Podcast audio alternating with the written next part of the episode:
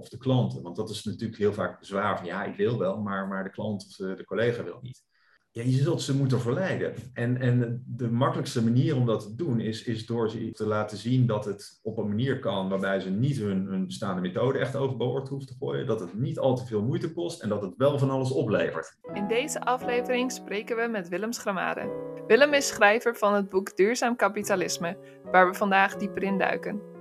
Hierin schrijft hij over het waardevenster, waar sociale, ecologische en financiële waarden in zijn verwerkt. We bespreken waar het misloopt en hoe het anders kan in de huidige verduurzaming, bij bedrijven zoals banken en wooncoöperaties. Daarnaast vertelt Willem over wat jij kunt doen, want jij kunt het verschil maken in een bedrijf, de overheid of als burger. Geniet van het gesprek met Willem en laat ons weten wat jij meeneemt van deze aflevering.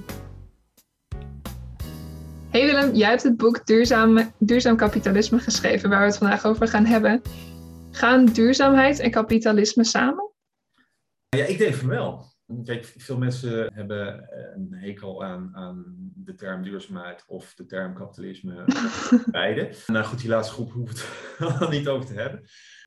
Ik, ik denk dat het, het, laten we uitgaan van de mensen die, die duurzaamheid warm hart toedragen, maar die, die twijfels hebben of, of het samen kan gaan met, uh, met kapitalisme. Ik denk dat het probleem zit niet in uh, kapitalisme aan zich, maar in de manier waarop het op dit moment plaatsvindt.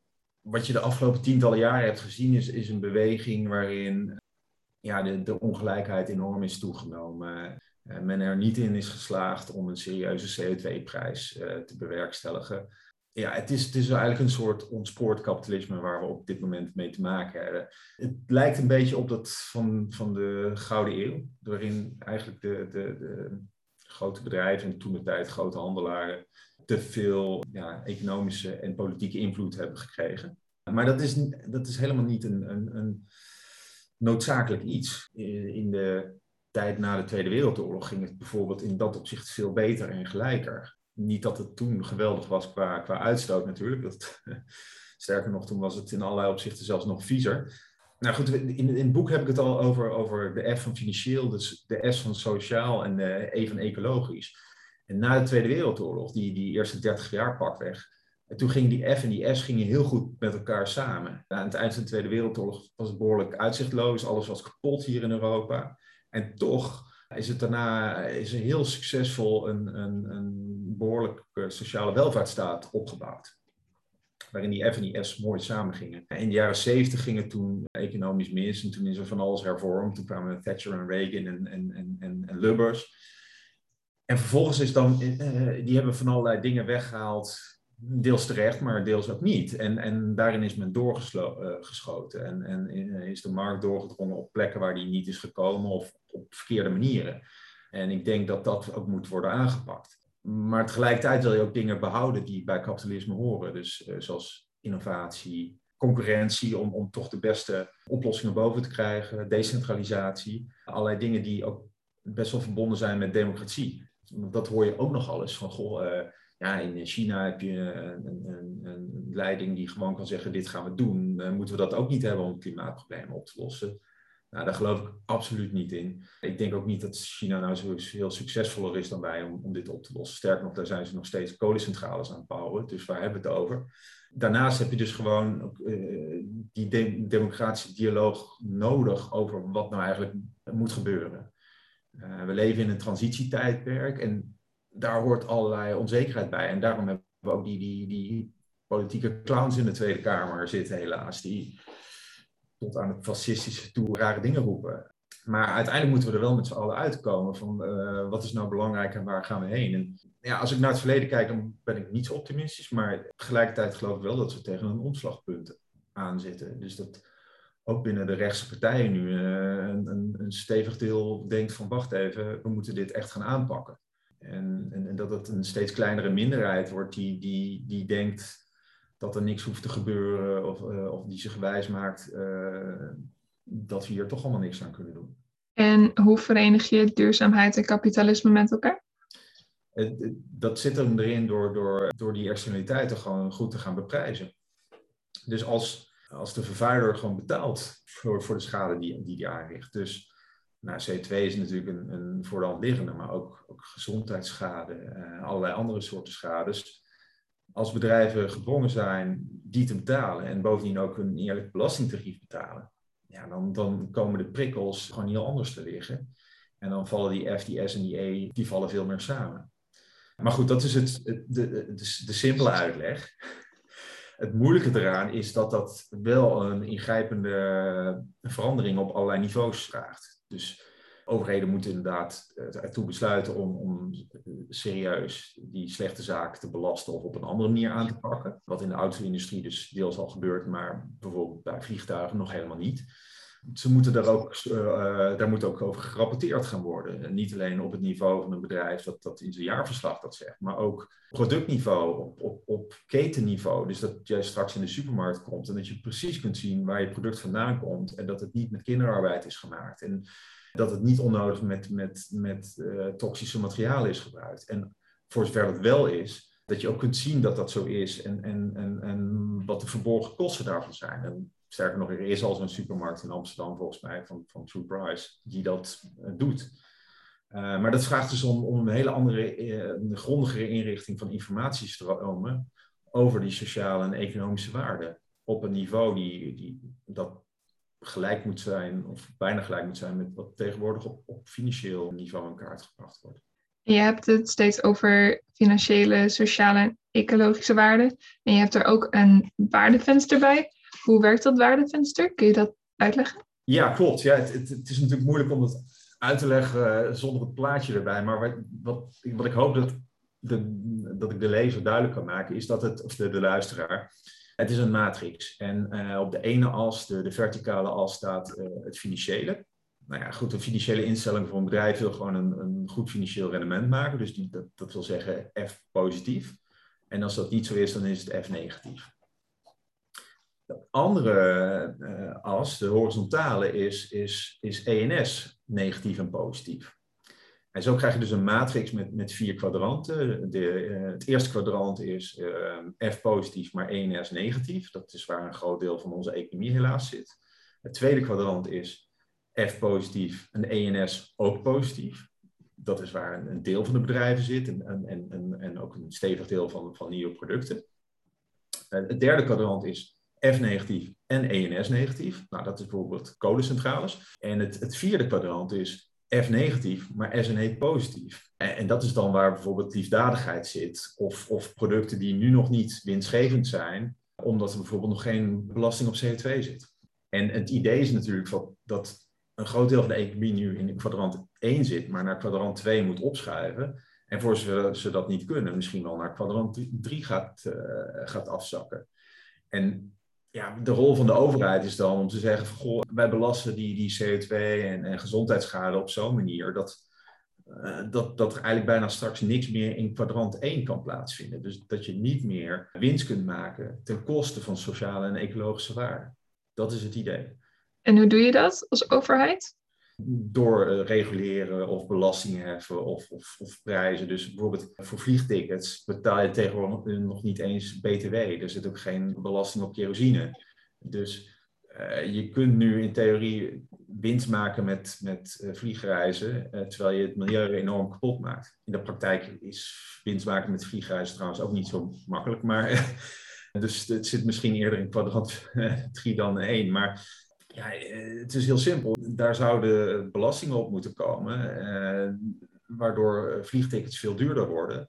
Waardoor mensen niet meer die onnodige vliegreisjes maken naar Dublin voor drie tientjes, puur omdat dat nou zo goedkoop is. Dus daar zou je heel veel van dat soort activiteiten mee kunnen reduceren. Maar het hoeft niet alleen met prijzen. Het kan ook gewoon met, met allerlei andere soorten regelgeving. Dus bijvoorbeeld uh, autofabrikanten die moeten aan steeds hogere CO2-eisen voldoen. En, en daardoor zijn ze gedwongen om, om katalysatoren, eh, et cetera, in te kopen. Maar nu ook in toenemende mate elektrische auto's te bouwen in plaats van diesel en benzine. Dus er zijn allerlei manieren om, om die internalisatie van externaliteiten, zoals dat heet, uh, te bewerkstelligen. En wat is dan het kwadrant waar je wil eindigen? Want kwadrant 1 is dan roofbouw, heet ja. het? Ja. Hoe, hoe leg je dat uit, roofbouw? Roofbouw wil zeggen dat je winst maakt ten koste van uh, ecologie of samenleving. En met, met als uitgangspunt dat dat economie slechts kan bestaan bij de gratie van een gezonde samenleving. En een gezonde samenleving alleen bij de gratie van een, een gezonde ecologie. Alleen wat wij op business schools en elders vaak leren is, is dat het andersom is. Dat eerst de economie in orde moet zijn en dat dan de rest pas in orde kan zijn. Terwijl ja, de manier waarop het nu gaat, plegen we zo'n roofbouw op de planeet, dat die aan het eind van de eeuw waarschijnlijk grotendeels, uh, of in ieder geval deels, onleefbaar is. Waardoor je uh, emigratiestromen op, uh, op gang brengt, waardoor je gewoon grote problemen krijgt. Dus ik maak me gewoon zorgen of mijn kinderen in de jaren tachtig nog wel goed met pensioen kunnen gaan. Nou ja, dat, dat moet je dus, dat noem ik roofbouw. En dat is waar we nog grotendeels zitten. En het gewenst kwadrant is, is kwadrant 2 uh, win-win. Uh, waarbij je dus uh, op alle vlakken waardecreërend bezig bent. En ik vind kwadrant 4 ook heel interessant, want daar zitten activiteiten die wel waarde creëren voor samenleving en, en, natuur, maar financieel niet winstgevend zijn, puur doordat we, nou, vaak gewoon doordat we de verkeerde structuren hebben. Omdat de dingen verkeerd geprijsd worden. En dus heel veel dingen zouden die dus nu daardoor niet gebeuren, of, of met liefdadigheid gepaard moeten gaan, zouden gewoon wel eh, goed kunnen plaatsvinden. Als we serieuze prijzen zouden hebben op, op CO2 en als, als we serieuze eisen zouden stellen aan, aan gezondheid en dergelijke. Zoals? Hoe, hoe zou je dat veranderen? Hoe zie je dat? Nou, om een voorbeeldje te noemen. De, de binnenvaart die richt hele grote schade aan, aan de gezondheid aan. Dus met heel veel roetuitstoot, et cetera, is het heel slecht voor de gezondheid van die mensen die, die langs de grote rivieren wonen. Dat, zijn gezond, dat is gezondheidsschade in, in de orde van miljarden of zoiets. En met een er is een berekening gemaakt voor 700 miljoen zou je de binnenvaart gewoon kunnen elektrificeren of in ieder geval goed, goede roetfilters kunnen neerzetten, waardoor die schade niet zou worden aangericht. En dan heb je dus miljarden aan, aan, uh, aan gezondheidsschade uh, uh, voorkomen. Alleen dat gebeurt niet, want de binnenvaart kan niet betalen en het ministerie van Gezondheidszorg maakt ook niet dat geld over. Dus je hebt mechanismes nodig om, om die schade ja, te, te voorkomen. Dus in dit geval dat je toch die silo's opheft en die investering doet met het oog op de toekomst. Alleen daar heb je dus wel die blik op nodig van dat het niet alleen maar om, om geld gaat, maar om waarde in brede zin. En zo gauw je dat beseft, dan ben je ook eerder bereid om de portemonnee te trekken. Want vaak is de sociale waarde van, van projecten, of de ecologische waarde, tien keer zo groot als de financiële waarde. Dus dat, dat, dat heb ik in een onderzoek voor, voor provincie Zuid-Holland althans zo, zo, zo ondervonden. En ja, zo gauw je dus ziet dat, dat die projecten zoveel waarde hebben, dan ben je dus eerder geneigd om ze, om ze te doen. En je kunt ze ook beter gaan vergelijken. Je kunt betere beslissingen nemen. En dat is heel krachtig. Want op het moment linken die twee natuurlijk totaal niet aan elkaar. Als je bijvoorbeeld binnenvaart, dus meer handel, economie en gezondheid hebt, dan zie je niet, in ieder geval in de overheidsinstanties, hoe die samen gaan werken of hoe die elkaar verder helpen. Maar ligt het dan aan het systeem of ligt het aan de manier waarop we denken of rekenen? Allemaal. ja, we, we hebben een, een, een veel te nauwe blik op allerlei zaken. En uh, we zijn gewend om als specialist te worden getraind en, en ook een dergelijke functie te beoefenen. Het zou heel welkom zijn als veel mensen een, een taakopvatting breder zouden uh, zien. En veel meer gaan kijken van, goh, wat voor impact hebben mijn beslissingen of mijn keuzes in bredere zin? En dat geldt dus voor een ambtenaar bij een gemeente of een ministerie, uh, maar ook voor de individuele burger. Uh, je kunt wel bij de Primark of iets dergelijks heel goed, goedkoop kleren inkopen en, en telkens nieuwe. maar bedenk wel wat voor schade dat aanricht elders ter wereld qua vervuiling en, en, en wellicht ook uitbuiting in de keten. Uh, misschien kun je beter wat minder vaak iets kopen. Maar ook ja, je auto wegdoen of, of niet meer vliegen of, of, minder vlees eten. Dat zijn allemaal dingen die, die heel veel schade elders kunnen voorkomen. En soms voorkomen ze ook schade bij jezelf of, of brengen ze extra levensgeluk. Dus bijvoorbeeld, eh, nou ja goed, ik heb een paar jaar geleden mijn auto weggedaan. Ik woon in de stad ja, het, het, kost me minder geld om geen auto te hebben. Ik doe veel meer dingen op de fiets. Ik ga met de trein op vakantie. Het is beter voor mijn leefkwaliteit en het is, het is beter voor mijn kostenplaatje. En dat is nog los van het positieve effect wat wat er vanuit gaat. Elders. Dus, dus zo kun je kijken naar van hoe, wat betekent, betekent voor mijn eigen brede waarde, maar wat betekent het ook voor mijn rol als, als burger? Wat, wat, en wat zou ik graag willen dat anderen uh, zouden doen? En hoe kunnen we elkaar daarin helpen? Die berekeningen, ja, die helpen dus om, om dingen duidelijker te maken van wat is nou het grotere effect? Wat is nou belangrijk om te doen? Is, heb ik nou meer invloed door, door korter te douchen of door niet te vliegen? Nou, dan, als je die berekening blij, maakt, dan, dan blijkt het effect van niet die vliegvakantie boeken toch een stuk groter dan van korter douchen. Want in je boek heb je het over drie groepen over overheid, financiële sector en bedrijven. Ja. Kunnen die ieder op zich een verandering doormaken? Is er bij ieder iets dat je zegt, dit, dit kan anders of dit moet anders? Jazeker, ja, nee, ze hebben ieder een rol te spelen. En de, de neiging is heel snel om te zeggen goh, ja, nee, wij willen wel, maar ja, zolang die en die niet opschuift, heeft het niet zoveel zin. Dus dat, dat hoor je heel vaak bedrijven en, en, financiële instellingen zeggen. Maar dat is, dat is natuurlijk een zwaktebod. Ze kunnen gewoon echt heel veel meer doen. Tuurlijk is het handiger als de overheid met hele duidelijke normen komt, die CO2 gaat beprijzen, al dat soort dingen. En dat gaat ook gebeuren. En dan mm, vooral vanuit Europees perspectief. Dus je hebt nu de, de Green Taxonomy, uh, Sustainable Finance Plan, er komt CSRD aan, et cetera. Dat gaat een enorme druk zetten op bedrijven om het beter te doen. En er zijn nog meer dingen die, die overheden kunnen doen. Uh, ik, vind dat ze een, een brede waarde budget moeten hebben. Uh, la uh, de, de welzijnsbegroting van, van Nieuw-Zeeland. Waarbij je niet alleen langs de minister van Financiën moet voordat je budget goedgekeurd is. Maar nee, bij alle ministeries waar jouw beslissingen invloed, van invloed zijn. Een ander iets is dat de overheid veel meer kan investeren in, ja, in onderwijs, onderzoek, gezondheidszorg. Vooral in, in het vroege fases helpen opstarten van nieuwe bedrijfstakken. Dat, dat zijn dingen waar, waar we de afgelopen tientallen jaren te weinig in hebben gedaan. Ik denk dat het van, dan laat het maar aan de markt. Maar bepaalde dingen worden door, de markt niet gedaan. Ja, dan kun je dus beter maar de overheid hebben die dat doet.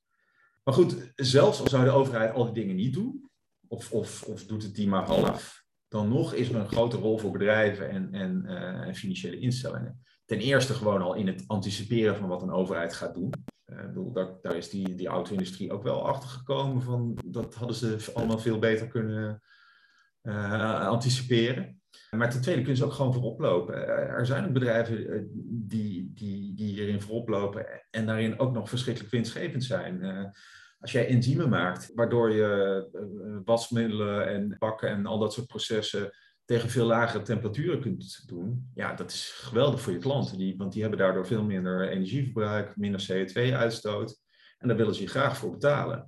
Dus dat soort innovatieve oplossingen, uh, ja, dat is gewoon eh, win-win. en daar, daar, daar is echt heel veel voor mogelijk. Uh, alleen, ja, wat doen bedrijven heel vaak?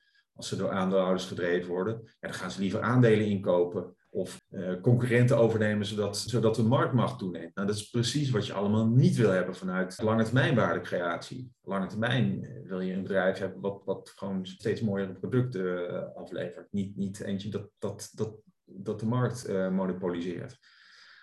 En ja, wat, wat ga je dus doen als bedrijf? Dan moet je dus ook die brede waarde lens gebruiken en, en die dingen gaan meten en kijken wat jouw externaliteiten zijn en de kans dat die geïnternaliseerd worden. En wat jij kunt doen om dat te verbeteren, wat er elders in de keten uh, gebeurt. Het licht gaat gewoon aan als je naar brede waarde kijkt. Want je ziet ineens veel meer risico's, maar ook veel meer kansen. En, en, en veel meer mogelijkheden om dingen anders te doen.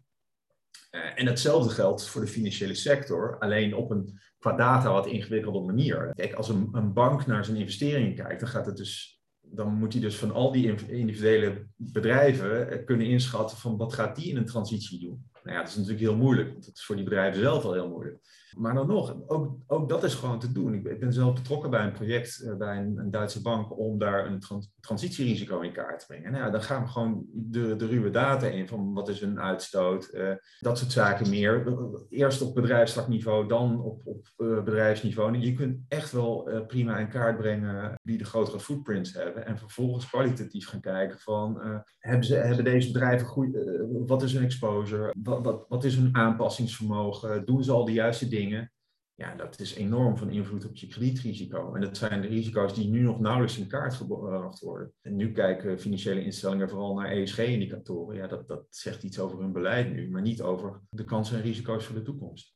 En wat is dan de eerste stap als een financiële sector of als een bank anders wil gaan kijken naar dit soort investeringen? Hele goede. Ja, het ligt er natuurlijk aan waar je vandaan komt. Maar uh, wat ik heel mooi vond, is, is het uh, impactrapport dat ABN AMRO heeft gemaakt met hulp van Impact Instituut. Daar, daar, wordt gewoon in kaart gebracht wat hun, uh, hun impact is. Dus dat is het, het principe van double materiality, wat, wat vanuit de EU ook gepropageerd wordt. Dan gaat het niet alleen om typische ESG-verhaal van hoe zijn al die duurzaamheidsfactoren van invloed op jouw bedrijfsvoering, maar ook andersom hoe is jouw bedrijfsvoering van invloed op die ENS, op die buitenwereld? Dus, dus zowel outside in als inside out. En als je dat moet kwantificeren, ja, dan kom je, ja, dan loop je nogal eens tegen, tegen dingen aan die je niet verwacht had. Bedoel, mensen bij, bij die bank dachten serieus dat zij een positieve bijdrage aan SDG's 12 en 13 leverden, namelijk de, de duurzame productie en consumptie en klimaatactie, maar die bleken zwaar negatief te zijn is voor mij geen, geen verrassing, maar voor die mensen blijkbaar wel. En dus waar begin je? Het begint met bewustwording. Ga je, ga je informeren, ga die cursussen doen. Ja, we bieden een Sustainable Finance Executive Course aan. Dat doen iets van uh, eh, 40 mensen per jaar mee. Terwijl we tienduizenden mensen in de financiële sector hebben. Ja, dat, dat vind ik toch wel schrijnend. Dat, dat die kennis over duurzaamheid en het verband tussen duurzaamheid en financiën zit maar bij een paar mensen in die sector, heel geconcentreerd. En de, de grote meerderheid heeft nog gewoon geen flauw benul. Dus ga in, in hemelsnaam je mensen beter opleiden en informeren. En, en, en breng in kaart wat je eigen exposures zijn. En vervolgens kun je betere beslissingen gaan nemen. Uh, maar de, de sector is, mijn zin, gewoon te, te, te lui en zelfs genoegzaam daarover. Ik had laatst weer een discussie over. Was de vraag bij een panel van, is, loopt de, de financiële sector in Nederland het gevaar om zijn voorsprong kwijt te raken? Er was iemand van een bank zei, nee, we doen het geweldig, we hebben deze maatregelen genomen en allerlei vinkjes gezet. Ik zeg, nee, dat, daar gaat het helemaal niet om. Je weet, je hebt nu een beetje in kaart gebracht en je nou ja, dit is als lopen van, van, van Utrecht naar Amersfoort. Best een leuke prestatie, maar het stelt niks voor als je helemaal naar, naar Peking moet. Dus ze hebben geen flauw idee waar ze heen moeten. Uh, en dat, dat moeten ze eerst snappen. Waarom denken ze dan dat ze goed bezig zijn? Wat, wat, wat is het dan? Het is toch het gebrek aan kennis. Dus ze richten zich vooral op wat ze al gedaan hebben en, uh, en niet op wat er moet gebeuren. Uh, dus ze, kijken heel erg, ze zijn heel erg vanuit de status quo gericht. Dan zien ze, oh, nou, we hebben allerlei processen ingericht, heel erg bureaucratisch bekeken. maar vergeten gewoon van, wat is hier eigenlijk het doel van? Het is echt een hele, hele nauwe blik heel erg gericht op, op, op, op bureaucratische processen. En hoe verruim je iemands blik? Want misschien als ze denken dat ze goed bezig zijn, ja, dan, dan is het toch prima zo. nou, eh, goede intenties zijn goed, maar niet goed genoeg. En eh, je moet wel in, in, in, uh, in contact blijven met de realiteit. En, en als je in je eigen parallele universum maar uh, aan elkaar aan het vertellen bent hoe geweldig je allemaal bezig bent, ja, dat is helaas wel wat gebeurt in, in, in vermogensbeheer en bankenland. Dat is wel een beetje narcistisch. Sorry? Dat is wel een beetje narcistisch. Nou ja, het, het is wel in de groep. Hè? Dus, dus het, is, het is niet dat je alleen maar tegen jezelf, dus je zegt het tegen elkaar. Dus het is, het is een beetje een groupthink. En het voelt natuurlijk wel lekker hè, dat je elkaar aan het vertellen bent dat je zo goed bezig bent. Alleen, ja, als ik er als, als relatieve buitenstaander naar kijk, of, of devil's advocate, hoe, hoe, je het ook wilt noemen, dan denk ik van ja, het, is heel erg marginaal en incrementeel en, en, stelt gewoon niet zoveel voor. Het mag je nog zoveel moeite kosten, maar het, het is belangrijker om het goede te doen dan om iets goed te doen. En, en als je dat vergeet om het goede te doen, ja, dan kun je die processen nog zo perfect inrichten. Maar je gaat gewoon niet de goede kant op. Oké, dat vind ik wel een mooie. Het is belangrijker om het goede te doen dan om het goed te doen. Ja, ik, ik, ik doe liever, of zoals Keynes het zei, uh, better to be approximately right than precisely wrong. En dat is wel wat, wat de financiële sector doet. Allemaal data verzamelen, gericht op wat we toevallig kunnen weten. maar intussen een, een, blinde vlek hebben voor die externaliteiten die, die niet in kaart te brengen zijn. De, de mensen denken ook, als ik kom met die ENS, van ja, maar dat weten we toch, want we hebben die ESG-data. E nee, helemaal niet. Die ESG-data die zeggen iets over, over beleid, maar niet over de exposures die je hebt. Uh, zelfs uh, zoiets bazaals als, als ehm, CO2-uitstoot weten we nog onvoldoende. Vaak is het alleen maar scope 1 en 2, terwijl scope 3 voor bijvoorbeeld olie- of een autobedrijf veel groter is. Wat houdt dat in, die scopes? Nou, die scopes houden in, de ene is van wat er in je eigen processen plaatsvindt. De tweede is van uh, wat, uh, wat is de uitstoot bij je leveranciers. En de derde is bij je klanten. Nou ja, bij olie, dat is natuurlijk al een, een CO2-intensief proces om het te produceren. Maar vooral als het verbrand wordt. Dus ja, als je die dan weglaat, dan komt je dat wel heel erg goed uit natuurlijk in de rapportage. Ja, dus is heel, veel van, heel veel van dit soort cynisch gedrag, waarbij eh, data gewoon ofwel bewust niet wordt verzameld, of er gewoon gemakzuchtig vanuit wordt gegaan dat, dat de data die voorhanden zijn nou eenmaal wel goed genoeg zijn. Maar zie je het ook anders? Ja, dat, zeker. Er zijn uitzonderingen. Ik bedoel, ABN AMRO doet dus wel degelijk zo'n zo'n impactrapport. En, en, en al die anderen ook. En, en er zijn allerlei bedrijven die, uh, die hele mooie oplossingen uh, verzinnen. En uh, ja, na aanleiding van mijn boek word ik ook benaderd door allerlei ondernemers, maar ook raden van commissarissen en dergelijke en, en lokale overheden. Van, goh, kun je eens naar ons kijken of kun je bij ons een presentatie komen geven hierover? Dus er zijn wel degelijk heel veel mensen die hiermee aan de slag willen. Maar die het vaak gewoon nog niet weten van hoe, hoe kan ik hiermee aan de slag. Wat is dan een van de eerste vragen of een van de algemene vragen die altijd weer terugkomt? Nee, de, typische vraag is van, goh, we, we, snappen het algehele beeld van, van dat we in een transitietijdperk zitten. En dat, dat is overigens een minderheid die dat snapt, maar goed. Maar dan is het toch altijd van, ja, maar hoe passen we dat nou toe op onze eigen organisatie en hoe maken we dat nou heel concreet? Dus bijvoorbeeld een, een, een, wooncorporatie, die, die kan wel zien goh, we willen het allemaal, eh, huizen moeten betaalbaarder zijn, maar er moet er ook genoeg van zijn. Ze moeten een gezonde leefomgeving bieden. Ze moeten tegen het minst mogelijke ecologische, ecologische footprint worden neergezet. Maar wat betekent dat nou voor onze medewerkers en hoe gaan wij hen daarin meenemen?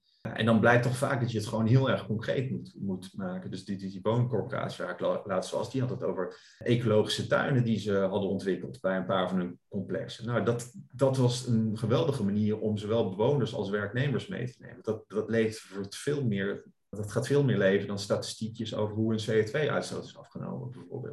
Dus die, die vraag naar die praktische toepassing, het draagvlak, dat, dat, is, dat is vaak wel de hoofdvraag.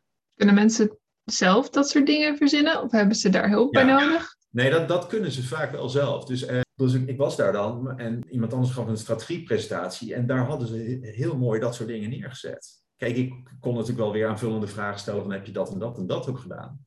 Maar ze waren op het idee van die ecologische tuinen gekomen. En ze hadden uitgevonden dat bepaalde dingen in de ene situatie wel werkten en de andere niet.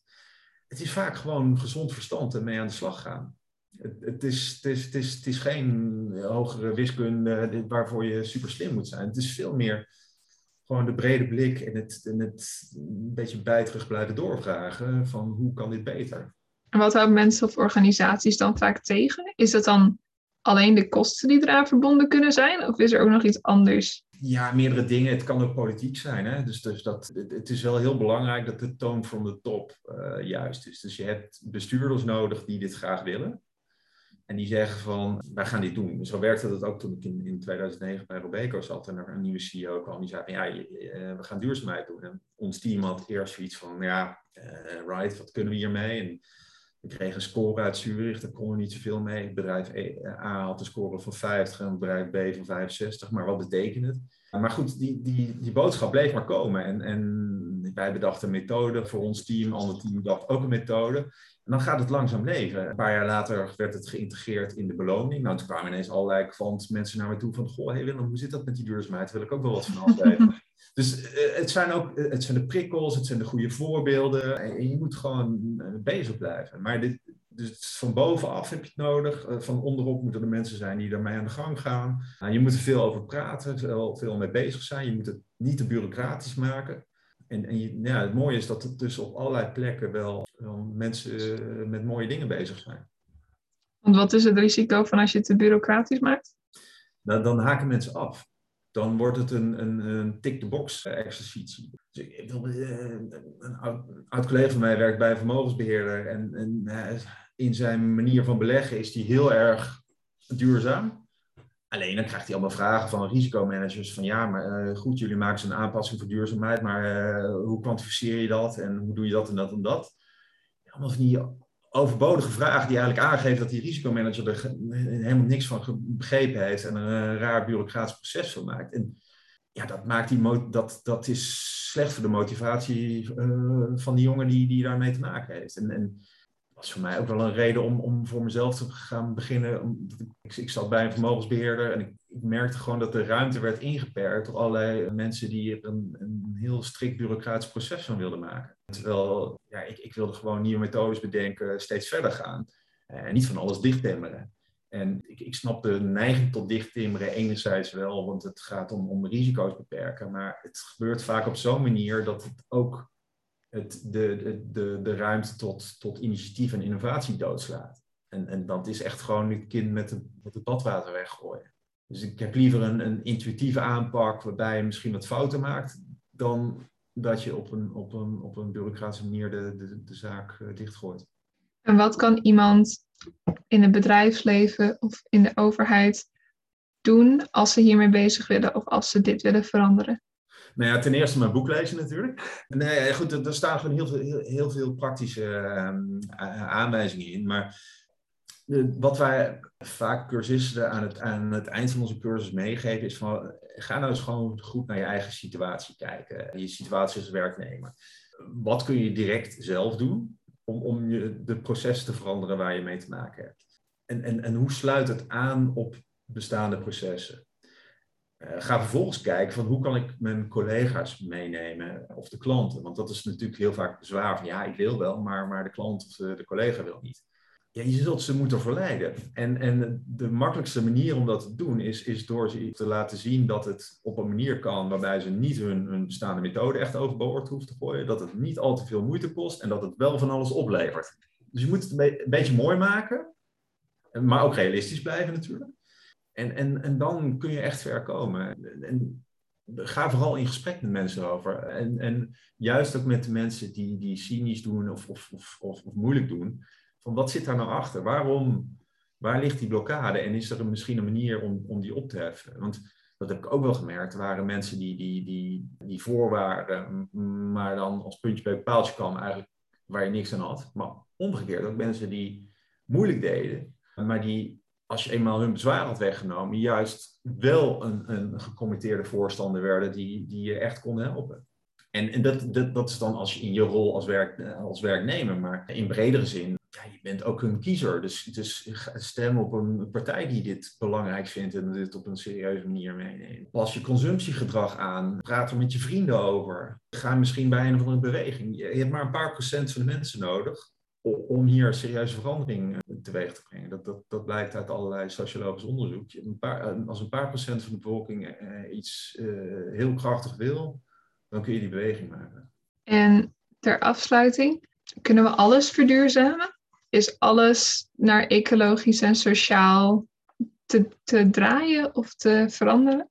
Poeh, het ligt er ook een beetje aan welke horizon je daarbij in gedachten hebt. niet in de komende vijf jaar, uiteraard. En, en eh, kijk, bijvoorbeeld de circulaire modellen zijn heel moeilijk te realiseren en heel moeilijk op te schalen, et cetera.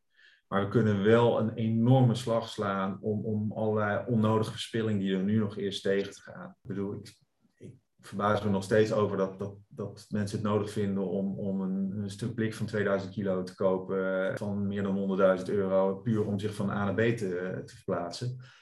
Maar daar blijkt dan dus een heel verhaal achter te zitten van, van status en, en dat soort zaken meer. Er is gewoon een, een, mentaliteitsverandering nodig om, om op een andere manier naar, daarnaar te kijken. En dan kun je met zoveel verspilling minder. Dan zijn we nog lang niet bij, bij een, een economie die, die, die klimaatneutraal is. Maar je hebt al wel de allerbelangrijkste stap genomen. En de rest kan er wel komen van technologische ontwikkeling en, en, en dat soort zaken meer. Maar we moeten eerst met z'n allen besluiten dat we dit echt willen. Heel erg bedankt Willem. Graag gedaan. Bedankt voor het luisteren. Wat neem jij mee van deze aflevering? Vertel het aan iemand in je omgeving of laat het ons weten op de sociale media van New Economy. Wil je op de hoogte blijven? Volg de podcast op jouw platform. Voor nu, bedankt voor het luisteren en tot de volgende keer.